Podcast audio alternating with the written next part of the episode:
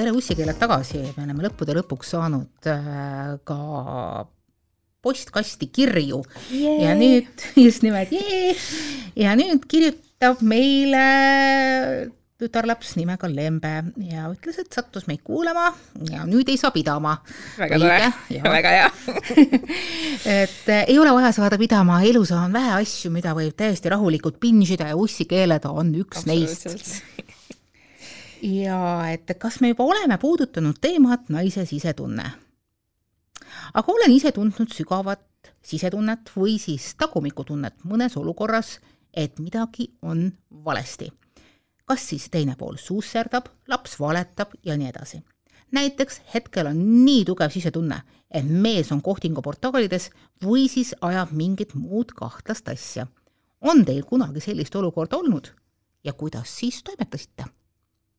No eks ikka on olnud selles suhtes, et see sisetunne on mind vähemalt küll läbi elu kandnud ikka nagu täielikult ilma selleta ma ei oleks üldse kuskil ma olen selle sisetundega saanud täpselt nii ja naapidi, et noh, et ma oleks pidanud seda kuulama, siis ma ei ole kuulnud ja siis mingisugune hetk olen ma seda liiga palju kuulnud ja siis on teinud te,, tekkinud selline asi, nagu on koroonaviiruse vaktsineerimisel ehk siis tsükiinide torm, kus kohas su enda immuunsüsteem sind hulluks ajab.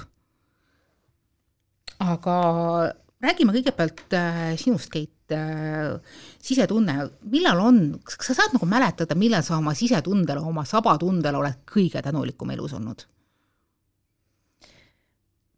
ma arvan, et äh, see oli see hetk, kui ma õppisin Tartus ülikoolis bakalaureuse filosoofiat ja pidin valima kõrvaleriala. ja ma mõtlesin tükk aega, ma olin mõelnud, et ma võtan psühholoogia kõrvalerialaks, sest et mind mhm. psühholoogia täiega huvitab. Ja viimasel hetkel mu sisetunne ütles mulle, aga sulle meeldib ju kirjutada. siis ma mingi, meeldib jah, okei okay., no ma vist võtan ajakirjanduse wow. ja Tada! siia ma olengi jõudnud tänu sellele sisetundele, just. aitäh keidusaba. just täpselt mina võin selle kohta rääkida, et viimane kord, kui minu sisetunne lärmas, karjus ja röökis, äh, ei võtnud ma teda kuulda. ja miks ma seda ei teinud? ma olen seda vist äh, ühes oma kirjutises ka avaldanud ja isegi saates välja toonud, oli äh, kaks ööd enne mu teist pulma oli minu sisetunne niivõrd äh, sassis omadega, et ma olin täiesti veendunud, et äh, minust saab põgenev pruut, mina ei abiellu. ma lihtsalt äh, ei tee seda jama uuesti, ma olen just ühest abielust äh, välja pääsenud ja nüüd ma pean uuesti selle jamaga peale hakkama. miks ma lähen ise vabatahtlikult endale terininna toppima? Miks ma teen jälle iseenda elu keer-, äh, keeruliseks? miks, kas ma üldse kunagi midagi õpin? ja see ärevus oli niivõrd suur, et äh, mitte miski suutnud seda leevendada, ma olin parasjagu ka kõige võimatumas kohas, eks ma sõitsin äh, Venemaalt ööbussiga äh, Tallinnasse ja keegi on Venemaa ööbussides olnud, siis noh, enam hullemat ja ebamugavamat, haisvamat, rõvedamat kohta on halb ette kujutada. Ja just nagu mingisugune kiuste helistas mu tulevane abikaasa sel hetkel, kui mul olid kõige mustemad äh, mõtted. et noh, kallis, kuidas sul läheb, kas sa magad juba? aga kell ei olnud veel päris kaksteist ja buss oli veel väga, väga kenasti sumises.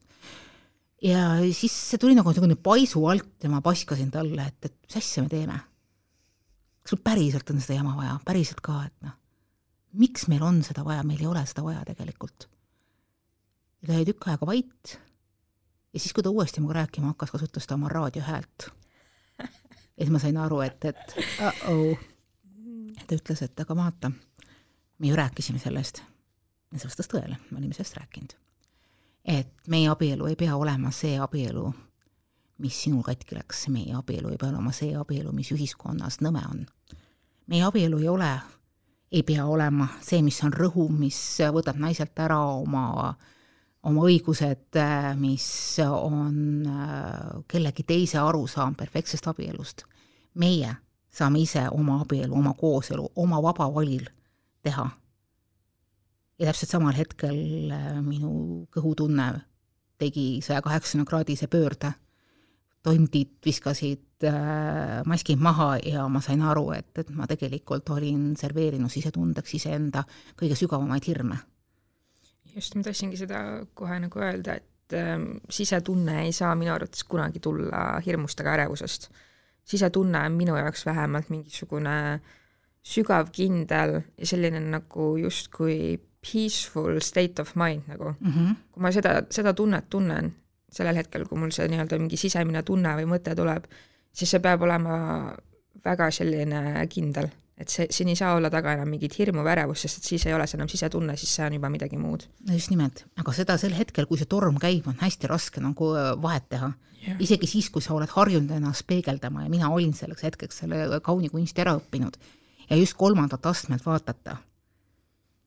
noh, õnneks äh, sinnasamma see torm jäi ja kaks päeva hiljem ütlesin ma ilusasti väga külmas Tartu Perbüroos äh, rahuliku sõnaga jah äh,, sest ma olin oma hinges selle jah, seda juba ammu öelnud.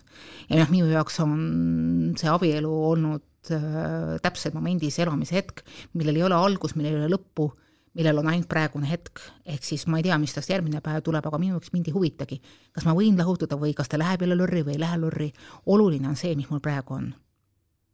aga ühed teised sisetunded on ka minu elus olnud seda seda momenti, kus kohas ma olen mõelnud, kas ma keeran vasakule või ma keeran paremale ja siis ma olen samamoodi tundnud omaenda sisimas, et vaata, see on see õige tunne.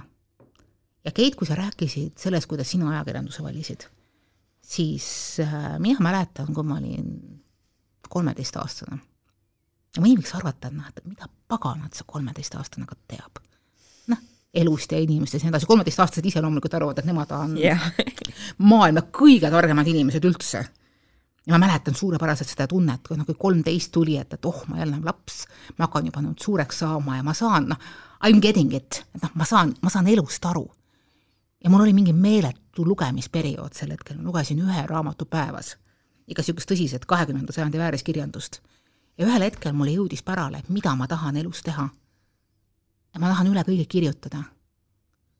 ja ma tahaksin kunagi olla kirjanik aga tegelikult tahaksin ma olla ka ajakirjanik, sest ma tahan näha, kuidas ühiskond areneb, ma tahan olla osa sellest arenguprotsessis, mis seda, mis seda kajastab, mis seda peegeldab. ja ma saaksin tänu sellele paremini mõista, mis, mis asi elu üldse on. Mhm. ja kui sa kolmeteistaastaselt sellise otsuse teed, siis noh, ütleme niimoodi, et äh, kuni keskkooli lõpuni seda ei võetud väga tõsiselt aga see andis minule mingisuguse niisuguse sisemise hääle ja oskuse enda nagu tegemisi ja asju seada, et, et see oli nagu, see oli nagu niisugune hea õppetund sisehääle kuulamisest. ja noh, ma olen praegu nelikümmend, issand jumal, seitse kohe saamas, et siiamaani on see sisehääl ilusasti pidanud, et on, on, on, on tehtud küll ahvatlevaid pakkumisi vasakule ja paremale eriala vahetada, aga neist pole mitte keegi äh, päriselt vastu pidanud ajaproovile jaa, kui rääkida sellest äh, sisetundest ja sellest, mida Lembe meile siis kirjutas, et kui sul on näiteks sisetunne, et sa saad aru, et keegi valetab või et keegi petab sind, et noh, sellisel juhul äh, jällegi oleks väga tark läbi analüüsida, et kas see on päriselt see sisetunne või see mingisugune ärevus ja hirm, mis on näiteks seotud sinu minevikuga, mis tuleneb sinu minevikust, kuna sind on varasemalt petetud, sulle ja. on valetatud ja sul on tegelikult selline alateadlik hirm, et see võib kogu aeg juhtuda ja kõik inimesed teevad seda sulle. et, et noh, selles suhtes, et muidugi see sisetunne teatud hetkedel on väga-väga hea ja vajalik, et kui sul tõesti on äh, nii-öelda suhe ja sul on tunne, et et siin on midagi valesti, et sa loed ka tegelikult oma partneri käitumisest välja, et see on muutunud, see on veits teistsugune, see on imelik. et noh, sellisel juhul see sisetunne võib vägagi tõsi olla, on ju. Aga noh, põhiline ongi nagu eristada seda, et kas, kas tegu on sinu mingisuguse alateadliku hirmu ja paanikaga või tegemist on noh, tõesti nagu nii-öelda sisetundega. just, ja siin on hästi oluline seesama analüüsitöö koht, et, et eriti kui sul on olnud äh, minevikus halb partnerlussuhe ja sa oled olnud partneriks inimesega, kes ei ole sinu äh, tundeid, äh, soove ja sinu pühendumist mitte milleski pidanud, kes on võtnud seda ainult ühepoolselt, ehk siis esitanud sinule nõudmisi ja ise mitte mingisuguseid nõudmisi täit-, täitnud. et siis on tegelikult vaja just seda vahepealset aega, et, et teha endaga rahu et mitte hakata iga järgmist potentsiaalset partnerit, olgu siis meessust või naissust või lihtsalt äh, inimest, kes sulle lähedale pääseb, samamoodi kohtlema kui seda eelmist äh, närukaela, kes sinuga halvasti käitus. et seetõttu on, äh, on, on oluline teha just selle ärevuse ja sisetunde vahet. ja sellest tuli ka arvatavasti minu see toonane öine täiuslik äh, emotsioonide torm. jah, just.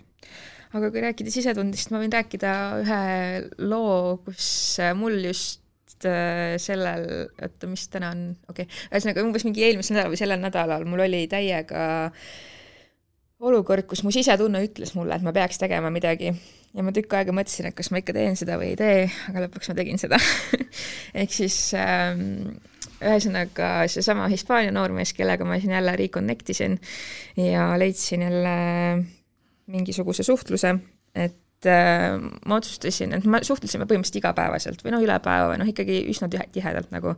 ja üks hetk ma otsustasin, et okei okay,, et ma ise hetkel ei kirjuta, et vaatame, et äh, kaua läheb, et kuni ta ise minuga ühendust võtab nädal aega oli mööda läinud ja ma olin juba mingi okei okay,, nii, mis nüüd on, on ju. et äh, mu sisetunne ütles mulle täiega, et äh, davai, mine ja konfronti ja mine lihtsalt pane pauk ära ja küsi, et mida fuck'i toimub nagu mm. -hmm. samas minu ähm, ärevus, minu hirm minevikusuhetest ütles mulle seda, et ei ikka ära tee ja ole ikka people pleaser ja mis sa seal ikka hakkad, et järsku sallalallala, et ühesõnaga. ära nori muhku saatuse käest. no täpselt, on ju, sellepärast et oma minevikusuhetes äh, ma ei olegi julgenud päriselt nii-öelda avameelselt ja ausalt suhelda ja see on ka probleem, miks mu varasemad suhted on olnud üsna halvad, eks ole. ja siis ma tegingi väga teadliku otsuse, et äh, jaa, ei ma ei, ma ei jätka enam selles samas mustris astumist, ma kuulan oma mm -hmm. sisetunnet, mis ütleb mulle, et mine ja küsi ja ütle. ja seda ma tegingi. ja see läks väga hästi, selles suhtes, et äh, ma olen üliüliõnnelik, et ma seda tegin, sellepärast et see oli minu jaoks nagu mingisugune üsnagi niisugune suur samm mõnes mõttes, eks ole, arvestades minu mineviku kogemusi ja kõik läks väga hästi, sellepärast et äh, ta oli väga ehmatunud, et umbes, et noh, ma läksin suht külmalt peale talle ja ikka suht niimoodi küsisin otse välja, et kas see oligi kõik ja et mida, mida sa tahad minust nagu, miks sa tulid siia tagasi mu ellu, kui sa jälle mingi nädal aega lihtsalt oled nagu mingi tšaubaka ja nagu ma, ma ei tea nagu onju. Et mul on lihtsalt nagu, ma ei viitsi hoida mingisuguseid tüüpõnge konksu, konksu otsas nagu, mul on väga valitud inimesed elus ja ma valin väga hoolikalt neid inimesi oma ellu. ja kui sa ei anna mulle põhjust, et äh, ma peaksin tema elus hoidma, siis lihtsalt mine ära nagu mm. -hmm. mu õngetüür on väärtuslikum. just, täpselt, on ju. ja ta oli väga ehmatunud sellest, ütles, et ei, et issand, ma ei teadnudki, et mingi oh my god, ma ei pannud tähelegi, mul oli mingi väga kiire ja mul ei olnud midagi sulle rääkida ka otseselt, et noh, me oleme mõlemad täiega introvertsed inimesed ka, et me ei ole tegelikult niisugused pläkutajad, on ju. et kui midagi öelda ei ole, siis nagu noh, mingit niisama tühi juttu ka ei tee, on ju. aga jah, see asi lõppes hästi, et äh, et ma kommunikeerisin oma vajadusi, oma piire, ta võttis neid kuulda ja kõik on väga hästi minu arust on see suurepärane näide. just mina mäletan äh, enda sisetunne, tunde uskumistest äh, seda, et, äh, et just tänu sellele halbadele, halbade suhete varjudele õppisin mina ka samamoodi, nagu sa ütlesid, enda vajadusi kommunikeerima ja ma õppisin äh, enda jaoks lahti kodeerima, kuidas seda esitada niimoodi, et see ei mõjuks äh, kellelegi ründavalt, sest et noh, mina olen niisugune pool äh, ekstrovert, küll väga suurte tugevate int-, introvertsete juurtega, aga ikkagi selline väljaspoole plähmerdav tegelane ja ma võin mõnikord eh, liiga tugevasti peale lennata, ma tean seda suurepäraselt. ja ma pidin enda sees läbi mõtlema, et, et kuidas ma saan edastada enda soove niimoodi, et, et see ei mõjuks eh, rünnakuna. ja ma sain aru, et, et, et kui ma seda edastan rahulikult, rahulikus keskkonnas äh,, öeldes nii palju kui vajalik ja nii vähe kui võimalik, ja keskendudes kohe peale probleemi, võimaliku probleemi ilmnemist, siis see outcome saab olla ainult positiivne et näiteks, et kui ma tunnen, et äh, mingisuguses aspektis minuga ei arvestata või et mingisugune asi on juhtunud minu jaoks liiga kiiresti ja minu arvamust ei ole selle pärast küsitud, siis ma ütlen hästi rahulikult, et kuule äh,, kas sa oled arvestanud nende ja nende ja nende asjandustega ja et mina arvan praegu seda. sest et kui ma seda ei ütle, siis ma ei saa eeldada, et ta samamoodi igapäevakiires Äh, suudab neid ära tunda ja suudab sellega arvestades, mõnikord inimesed, kes on meie lähedal, võivad arvata, et, et ah, ma tunnen oma partnerit piisavalt palju ja küll ta on minuga nõus, aga ta ei pruugi see nõus olla. ja sa ei saa alati eeldada, et, et noh, tee siis suu lahti. et sa pead tegelikult iseennast äh, väljendama, sest et mõttetu lugemise kaunis kunst on endiselt äh, hõljumas kusagil tuut-tuut-tuut kõrgemal, kaugemal. jah, just. Aga kui ma korra veel äh, tulen selle enda teema juurde tagasi, siis äh, üks asi, mida ma tahaks veel mainida sellega seoses, on see, et ähm, et sel hetkel, kui ma läksin teda konfrontima, sel hetkel ma olin täiesti valmis selleks, et võib-olla siia see asi jääbki mm. -hmm. ja ma olen nii õnnelik, et ma olengi jõudnud lõpuks sinna faasi, et kui mul on kellegi vastu mingi atraktsioon, mingi crush, mis iganes, mingi armumine, et siis ma väärtustan ja armastan ennast rohkem, et ma olen valmis loobuma kellestki, kes mulle väga meeldib, kui nad ei vasta minu standarditele, kui nad ei vasta sellele, mida mina temalt ootan, on ju. et see on nagu mingisugune väga suur jällegi step, sellepärast et noh, jällegi minevikus ma olen olnud väga suur people pleaser ja enda arvelt teinud igasugu mööndusi teise inimese jaoks ja aitab, ma ei tee seda enam rohkem see on mingi kasvukõver, mis tuleb läbi, läbi elada, et sa saad aru, kus kohas on see optimaalne äh, tasakaal, et, et see ei tähenda, et sa inimesi hakkaks pikalt kohe saatma, ei, kaugelt Just, mitte. et see noh, siin ei ole maailm must ja valge, et noh, et emb-kumb, kas ma olen pleaser või ma saadan kohe inimesed sinna, kus päike just, ei paista. et siin on oluline keskpunkt ja see, need, teised inimesed äärm-, on, on äärmiselt tänulikud selle eest, et sa ütled oma arvamused välja oh,. kunagi ma küsisin äh, oma toona tulevase abikaasa käest, et mis sa arvad, et noh, et mis meie suhte kõige tugevam osa on. ta mõtles tükk aega ja ütles, et aga sa ütlesid mulle kohe välja, mis sa tahad. ja ma tõesti mäletan, oli mingisugune hetk, kus meil oli küsimus, et noh, et mis kuradi suhe see on, mis me teeme praegu siin. ja ta esitas mulle väga lihtsa ja rahuliku küsimuse. aga mida sa tahad? mida sa päriselt tahad? ja ma olin tükk aega vait ma lasin peas mingisugust videorinti niimoodi edasi-tagasi, edasi-tagasi, niisugune nagu montaažilaua tunne oli. Ja ma sain aru, mida ma tegelikult tahan, et mis sealt tegelikult välja koorub. ja see minu jaoks toona ka natukene üllatus, aga ma ütlesin selle välja puhtalt sellepärast, et ma sain aru, et, et see on hetkel vajalik nii temale kui ka mulle. ja ma ütlesin täiesti rahulikult, ma tahan sind. ma olen otsustanud, et ma tahan sind. ja ta ütles, et, et see on nagu, et, et, et see oli nagu äärmiselt värskendav et ta, et tema kogemuses oli vähe naisi, kes äh, nii julgelt suutsid äh, suhte ja suhteliselt alguses järgus välja öelda, et, et mida nad tegelikult tahaksid, tahaksid. Ja võib-olla see on küsimus ka mingisuguses minu mingisuguses sisemises kiiksus, ma ei tea, kus kuradi kohast mul see pärit on. mulle ei meeldi inimestele anda võltslootuseid. see on, see on mingisugune täiesti noh, mingisugune jabur asi, mida mõnikord emad õpetavad oma tütardele, võib-olla isa ka õpetavad tütardele, ära kunagi ütle, kus kohas sa seisad, eriti suhtes eriti teise inimese suhtes, eriti meeste suhtes. Et noh, et, et, kas sa nagu, kas sul on nagu tunde või sul ei ole tunded, mis sa neist tahad või ei taha, jäta kogu aeg otsad lahti, lase vette ja siis noh, kui meeldib, äh, uju lähemale, kui ei meeldi, kao ära kusagile, aga jumala eest, et see vaene teine pool ei saaks kunagi teada, mida see vaene naine mõtleb. see on nagu niivõrd sassis oo oh jah, väga imelik. ja võib-olla on ka see mingisugune minu sisemine seesama introvertsus, et mulle ei meeldi, kui mulle osutab tähelepanu inimene, kes mulle ei meeldi. Ja seetõttu ma tahan, et selles osas oleks asi kindel. et sõpruse ja tuttavate tähelepanu, see on väga okei okay., aga lähemad intiimsuhted, mulle ei meeldi kellelegi anda valelootusi, sest minu meelest on see selle inimese ressursside hirmus raiskamine sest mina neid õrnemaid tundeid ei vaja, aga tema võiks need õrnemad tunded panna kasvama kellegi teise liivakastis või mullakastis või mingi muu niisugune asjandus. aga Lembe rääkis seda, et et, et millised on meie kogemused sellega, kui mõnisugune, mõni mees või mingisugune partner meie, meie eludes on meid üritanud petta, et kas meie oleme siis oma sabatundega selle ära tundnud? vot mul on selline lugu, et mul ei ole olnud elus ühtegi meest, kes oleks mind petnud et selles suhtes, et äh, noh, ma olin kaheksa aastat suhtes ja olgu see tüüp, mis ta oli, üks oli tema juures väga-väga hea, oli see, et mul oli sada protsenti kindl-, kindlus selles osas, et ma tean, et ta ei oleks mind mitte kunagi petnud, sest ta ei ole lihtsalt absoluutselt selline inimene. no vaata, mina seda öelda ei saa, mina olen ühes, ühes oma hili-, ühes oma varasemates suhetes äh, selle petetud naise äh, Äh, teekonna läbi, läbi viinud ja ma olen sellest ka varasemates saadetes rääkinud, äh, sellest konna keetmise, konna keetmise põhimõttest, et, et alguses sa saad aru, sa saad aru mingisuguse oma seitsmenda meelega ja see isegi ei ole mingisugune voodoo, see on alateadvus paneb tähele väikeseid asju, et, et ta on natukene kaugemal, tal on, lähevad e-, iga õhtul äh, mingisugused tööülesanded raskemaks. Ja siis iga õhtul on vaja mingisugusel sõbral kätt hoida või mingisugusel üritusel toetada või mingi muu niisugune asjandus. Ja need kõik on sellised kohad, kus sind ei ole vaja kaasa.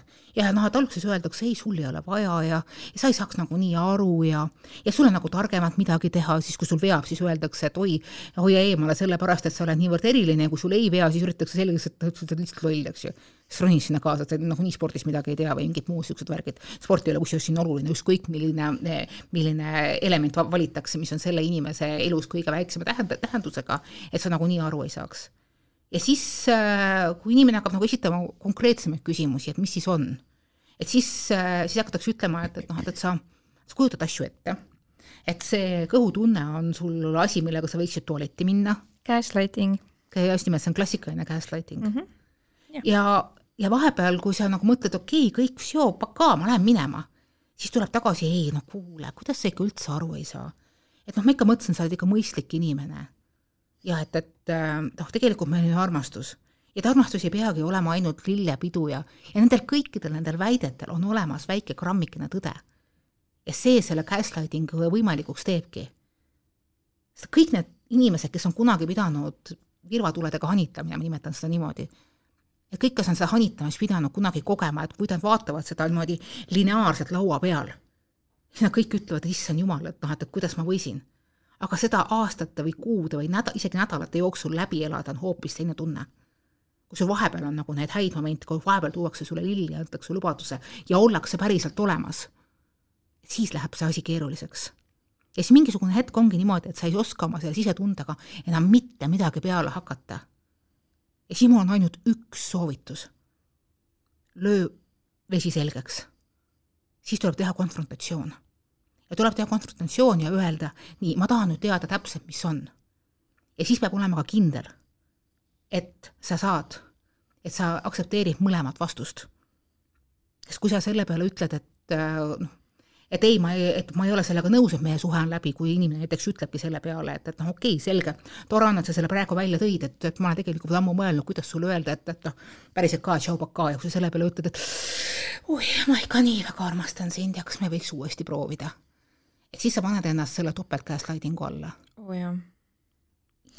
et noh, selle gaslight imisega ongi see, et muidugi, kui sa seda koged ja sa oled suhtes, kus sul on nii-öelda teise inimese vastu suur armastus ja tunded ja sul on väga raske ära minna, sellepärast sa oled noh, nii attached selle, selle inimesega, et äh, noh, selles suhtes, et gaslighting ut on ju võimalik ära tuvastada, selles suhtes minu jaoks on see lihtsalt emotsionaalne intelligentsus jällegi.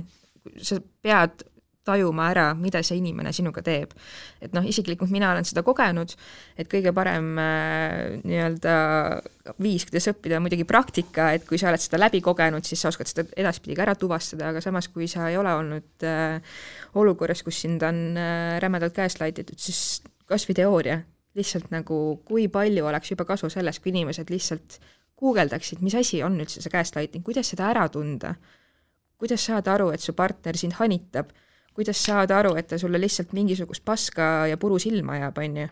et selles suhtes, et äh, kui inimesed viitsiksid ja tahaksid natukene lihtsalt ennast kurssi viia sellega kõigega, siis sellest oleks juba tegelikult väga palju kasu minu arvates. tead jah, selle kohta niimoodi, et ära jäta ennast üksi et kõik need suhtemanipulaatorid äh, esimese hooga teevad selle, et nad äh, peletavad sinu ümbert ära teised olulised inimesed et äh, hangi endale vähemalt mingisugune inimene, kes jääb sinu ellu. ükskõik, kui palju sa sel hetkel jääd uskuma seda, et, et noh, et, et meiega, meie, meie, ainult meil on õige armastus keegi teine meist aru ei saa ja et, et noh, et, et koduseid voodiasju ei räägita kellelegi teisele või üldse mingisuguseid koduseid asju et noh, et ma ei taha, et sa minu asju kellelegi sõbrannadele räägid ja et noh, vanematele ammugi mitte või nii edasi. jäta endale vähemalt üks inimene, kes on äh, sinu suhtes aus et jah, tõesti, alati kõige lähemad sõbrannad ei pruugi ausad olla, alati su enda perekonnaliikmed ei pruugi ausad olla, sul ei pruugi nende perekonnaliikmetega isegi nii häid suhteid olla. aga kui sa otsid, siis sa siiski leiad enda lähiringkonnast inimese, kes suudab sind adekvaatselt peegeldada. ja kelle kaudu sa saad peegeldada, kas see, mis sinuga toimub, on okei okay. ja see ei pea tähendama, et see teine inimene võtab vastutuse sinu elu eest.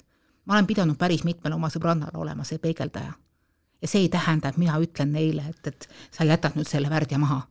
ma ei saa niisugust asja öelda, mul ei ole õigust kellelegi öelda, et, et noh, et sina pead oma elus tegema seda, teist ja kolmandat. ma saan adekvaatselt anda taga, tagasisidet, peegeldust, et inimene saab ise aru, et, et et temperatuur selles vannis on keemilislähedane. Ja seetõttu ei tohi jätta ennast täiesti üksi, ükskõik kui palju sulle räägitakse, et et noh, meil on nii suur ja võimas armastus ja keegi teine sinna ei mahu. see on klassikaline äh, ärakasutajate äh, moodus, et noh, et kõigepealt tuleb ohver eraldada teistest ja siis saab temaga teha täpselt seda, mis tahetakse. ja väga paljude jaoks on see mingisugune lapsepõlvega sisse saadud muster, millest nad ise tegelikult ei saa aru. Ja kui seda neile öelda, siis nad on väga üllatunud, aga no ma arvasin, niimoodi asjad käivadki, sest juba minu ema käitus minu isaga niimoodi. ja mõnikord, äh, ja see ei ole üldse üllatav, käitus ema isaga niimoodi. jah, peremustrid jälle, et nad, ta ei saagi aru, et, et see suhte, suhtemudel, mida ta praegu paljund-, paljundab, on äärmiselt toksiline ja toobki kaasa ainult valu ja pisaraid. Ehk siis sisetunne on oluline, aga hangi endale tõendeid, et see, mida sa ütled, et, et või see, mida sa tunned, et see on nagu okei okay.. hangi endale keegi, kes on sinu jaoks adekvaatne peegeldaja. ma ei saa öelda, et, et noh, et hangi endale hea terapeut, sest et tänapäeva terapeutide järjekorrad on, ma ei tea praegu, mis meil on, jaanuar-veebruar, noh maisse saab, eks ju ja kui sa lähed maksma, siis maksavad juba mingisugune saja euro piiris või noh, suhteliselt jõhker maailm. Aga et keegi suudab sind niimoodi peegeldada, keegi suudab valideerida, isegi mitte, issand, valideerida on halb sõna ja, ja selle unustame praegu ära, et keegi suudab äh, anda sulle seda äh, pimeda akna peegeldust sinu sisetundest. ja isegi siis, kui seda inimest ei ole, siis kõige raskemal hetkel ma jõudsin ju kunagi oma elus sellisesse momenti, kus ma olingi täiesti üksinda sest et minu häbi oli niivõrd suur, et ma ei suutnud mitte kellegi poole pöörduda. ma kirjutasin oma tunded maha. Ja ma lasin natukene aega neil olla ja siis lugesin järgmisel päeval puhta peaga, peaga selle üle. ja see andis mulle selle teise akna. sest me võime olla kaks täiesti erinevat inimest, arvestades hommikut ja õhtut. jah. aga kui rääkida sellest äh, konformeerumisest või nii-öelda confer, kuidas see eesti keeles see sõna on? kohandumisest või? ei, et sa nii-öelda confront'id kedagi. aa, eh, vastandumisest. Jah, et see ühesõnaga minu arust see on nagu tegelikult äh, tänapäeva minuvanuseid, vähemalt mina enda generatsiooni puhul seda tunnetan kuidagi, et see on nagu naistel just nagu hästi-hästi raske. et äh, nii tavapärane on sellised suhted, kus äh, tšikk leiab mingisuguse tüübi, mõtleb, et oh, see võib olla minu unistuste prints ja tekivad mingisugused suured ideed ja tunded ja asjad, on ju. aga samas see tüüp lihtsalt äh, on selle, see tšikk on selle tüübi jaoks lihtsalt järjekordne mingisugune tšikk, on ju. mitte keegi põhi, põhimõtteliselt. ja siis nende suhtlus ongi põhimõtteliselt nagu selle, selle kuti tempos, sellepärast et see kutt vahepeal kaob ära, tuleb jälle tagasi, kaob jälle ära, tuleb jälle tagasi, see on nii tavaline tänapäeval see need... ei ole ainult tänapäeva probleem, see on täpselt ja. samamoodi oli ka minu äh, kestvas nooruses. Ja need tüdrukud äh, ei julge mitte midagi öelda, mitte midagi ette võtta. Nad ei julge, sellepärast nad kardavad, et kui nad äh, küsivad, et äh, okei okay,, et kuhu see suhe siis liigub või mida sa minust tahad, kas sa tahad mind lihtsalt panna, kas sa tahad minuga päriselt mingit suhet luua, siis need tüübid hirmuvad, kaovad ja on kummitused, kes lihtsalt ghost ivad, eks ole. just, et kummitused võiks, võikski sinna paganama astraalsfääri jääda. selles suhtes, et nagu palun ärge kartke seda konfrontimist selles suhtes, et nagu noh, miks sa üldse peaksid looma mingisugust suhet või mingisugust, ma ei tea, illusiooni, et sul selle tüübiga midagi sünnib, kui see tüüp on lihtsalt mingisugune täiesti suvaline ärakasutaja nagu miks sa ei suuda nagu jõuda sinna punkti, kus sa päriselt julged küsida ja julged väljendada ka enda nagu vajadusi, on ju. et kui see tüüp ei ole sulle valmis andma seda, mida sina temalt ootad, siis miks sa teda üldse taga ajad nagu? mis selle mõte on, mis selle point on? Ja siin on täna oluline aru saada, et sa tõesti ei pea seda jutuajamist pidama esimese õhtu järel või teise õhtu ja, järel. et see on see, mida, mille kohta ma kujutan ette, igasugused äh, needsamad jõmmõiguslased ütlevad, et aga umbes nii, et, et kas niipea, kui ma tüdrukut näen, pean kohe talle sõrmuse sõrme panema ja mingit muud niisugust asja, ei, jumala eest, maailm ei ole niivõrd mustvalge. Ja mõnikord on ka täiesti okei okay, öö, omada lihtsalt juhuseksiks partnerit, ma arvan, et, et on piisavalt palju ka selliseid tüdrukuid aga et, et, et oluline on need sõnumid omavahel nagu äh, paika panna, et mida me tegelikult tahame. just, et inimesed on mõlemad ühel lehel. ja esitada, ja esitada küsimusi yeah. selleks, siis kui suhe on juba piisavalt kaua kestnud, et, et tekib see küsimus, et äh, noh, mis meist tegelikult saab või mis me tahame. ja see tunne ja see küsimus on täiesti okei okay. ma saan aru, et seda küsimusi esitavad tänapäeval nii mehed kui ka naised. Ja samamoodi on nagu okei okay äh, mõnele naisele tunda, et, et noh, et, et see küsimus tuleb natukene liiga, liiga ruttu ja siis tulebki teha õgvendus. ja ka niisuguseid asju tegelikult perfektses maailmas saab teha niimoodi rahulikult, et noh, me lihtsalt ei olnud teisel, noh, me, lihtsalt ei olnud äh, ühel ja samal äh, tasandil, noh, mis siis ikka, et, et elus on erinevaid suhteid. aga niimoodi, et mängida inimesega, et noh, et ühel hetkel on ja teisel hetkel ei ole, et, et et kellel on aega niisuguse asjanduse jaoks? Just, ja miks peaks keegi üldse tahtma, et keegi nii-öelda neid selle õngekonksu otsast tirib ja lollitab kogu aeg, et nagu noh, pigem nii-öelda õudne lõpp kui lõputu õudus, eks ole, et äh, kui, kui see suhe on juba suhte alguses äh, väga keeruline ja ja sa oled väga segaduses ega saa aru, et kuhu sa liigub või mis üldse liigub või mis see tüüp üldse sinust tahab nagu, siis noh, kõige parem ongi see, et sa lihtsalt küsid seda ja kui ta ütleb sulle, et ta ei taha sinust midagi ja ta lihtsalt, sa oled järjekordne tutt tema jaoks, siis nagu noh, jumala eest, lase see tüüp minna nagu, et ära karda nagu selle tüübi kaotamise hirmus päriselt küsida asju nagu ja elada päriselt oma elu, on ju. Ma loodan, et, et varsti saab, et varsti tõesti lõpeb või hakatakse rohkem teadvustama seda, et, et et selleks, et elus õnnelik olla, ei pea olema tüdrukul mees või partner või sa ei pea ilmtingimata oma elu õnne nimel suhtes olema. sest need suhted on head. loomulikult abielud on head ja armastus on hea, mulle väga armastus meeldib, ma olen tohutu armastusfänn. aga elus on niivõrd palju muid ka ja kui sul parasjagu seda armastust ei ole, see ei tähenda, et su elu on kuidagi halb ja et, et me ei pea seetõttu suhteid idealiseerima, me ei pea seda suurt armastust idealiseerima. armastus on hea, täpselt samamoodi on hea päikesepaisteline päev, aga see ei tähenda, et need päevad, kus päike juhuslikult ei paista, on mingit pidi halvad. Iga päeva saad sa enda jaoks heaks teha. ja, ja armastus on alati sellepärast, et armastus iseenda vastu on kõige tuum ja alus. ära hakka otsima mingisugust suurt armastust äh, teise inimese käest, kui sa ei suuda iseennast armastada ja vot see ongi see kõhutunne, millega võiks selle saate lõpetada. just. palun kirjutage meile ussikeeled at ohtuleht.ee